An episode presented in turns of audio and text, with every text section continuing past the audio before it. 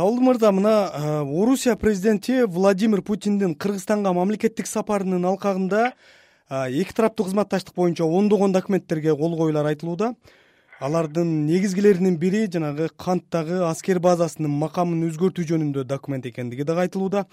Сиздин оюңузча бул өзгөрүүнүн максаты эмнеде менимче э, канттагы авиабаза бир аз э, күчтөндүрүлөт болуш керек. Себеп дегенде ал жерде баарыбызга белгилүү учуп аткан самолеттор ссср учурундан калган самолеттор баардыгы тең эски анан ошондуктан балким ал жерге мындай жаңы типтеги самолеттор балким суу самолеттору келиши мүмкүн. Мындай күчтүү алдаканча баягы э, мындай чоң операцияларды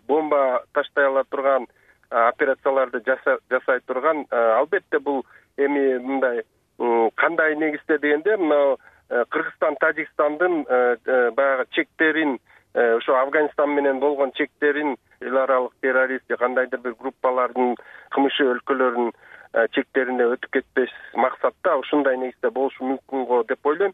Бул бир экинчиси э, аскердик техникалык деп атпайбы. Демек техникалык кандайдыр бир жардамдар болушу мүмкүн. Анан ссср учурунан э, бери э, калган кыргызстанда болгон аскердик негиздеги завод фабрикалар жөнүндө сөз болуп атышы мүмкүн. Ошолордун кайра ишке киргизип баягы орусиянын аскердик базаны же болбосо башка дагы ушу аскердик жагынан бөлүктөрүн камсыздандыруучу бир э, ок дары же башкаларды чыгарышчу кыргыз орус алакаларында кыргызстандын кызыкчылыгы мындай түшүнүктүү эле дейбиз да. Э, экономикалык энергетикалык аскердик өзүңүз айткандай инвестициялык жана башка багыттарда мындай жардам алуу соода саттык дегендей. Орусиянын кызыкчылыгы эмнеде геосаясий алкактан алганда. Кыргызстан орусия үчүн эмнеси менен баалуу?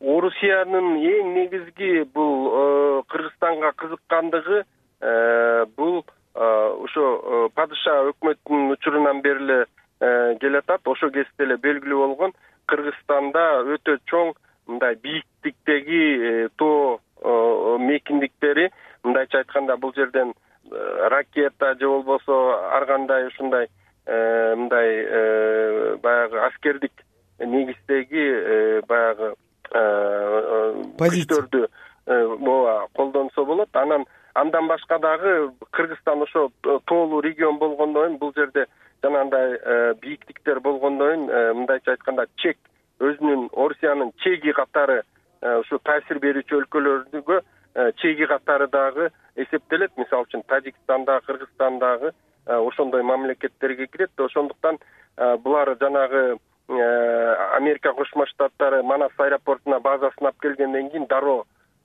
булар дагы киргендиги дагы ошондон. Башкача айтканда кыргызстанды тарттырып жүрбеш үчүн кайрадан ошол базаны дагы э, ошо орусия алакабызды бузуп албаш үчүн чыгарбадыкпы?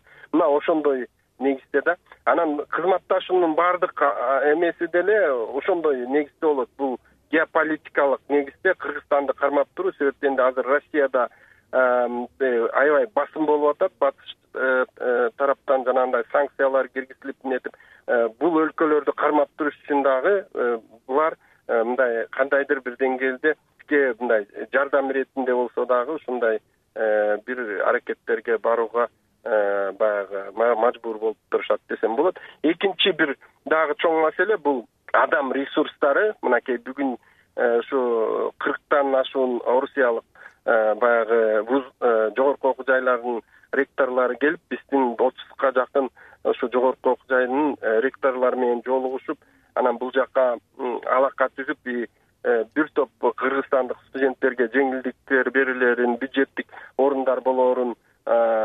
айтып атышат ошо орусияда ачылаарын.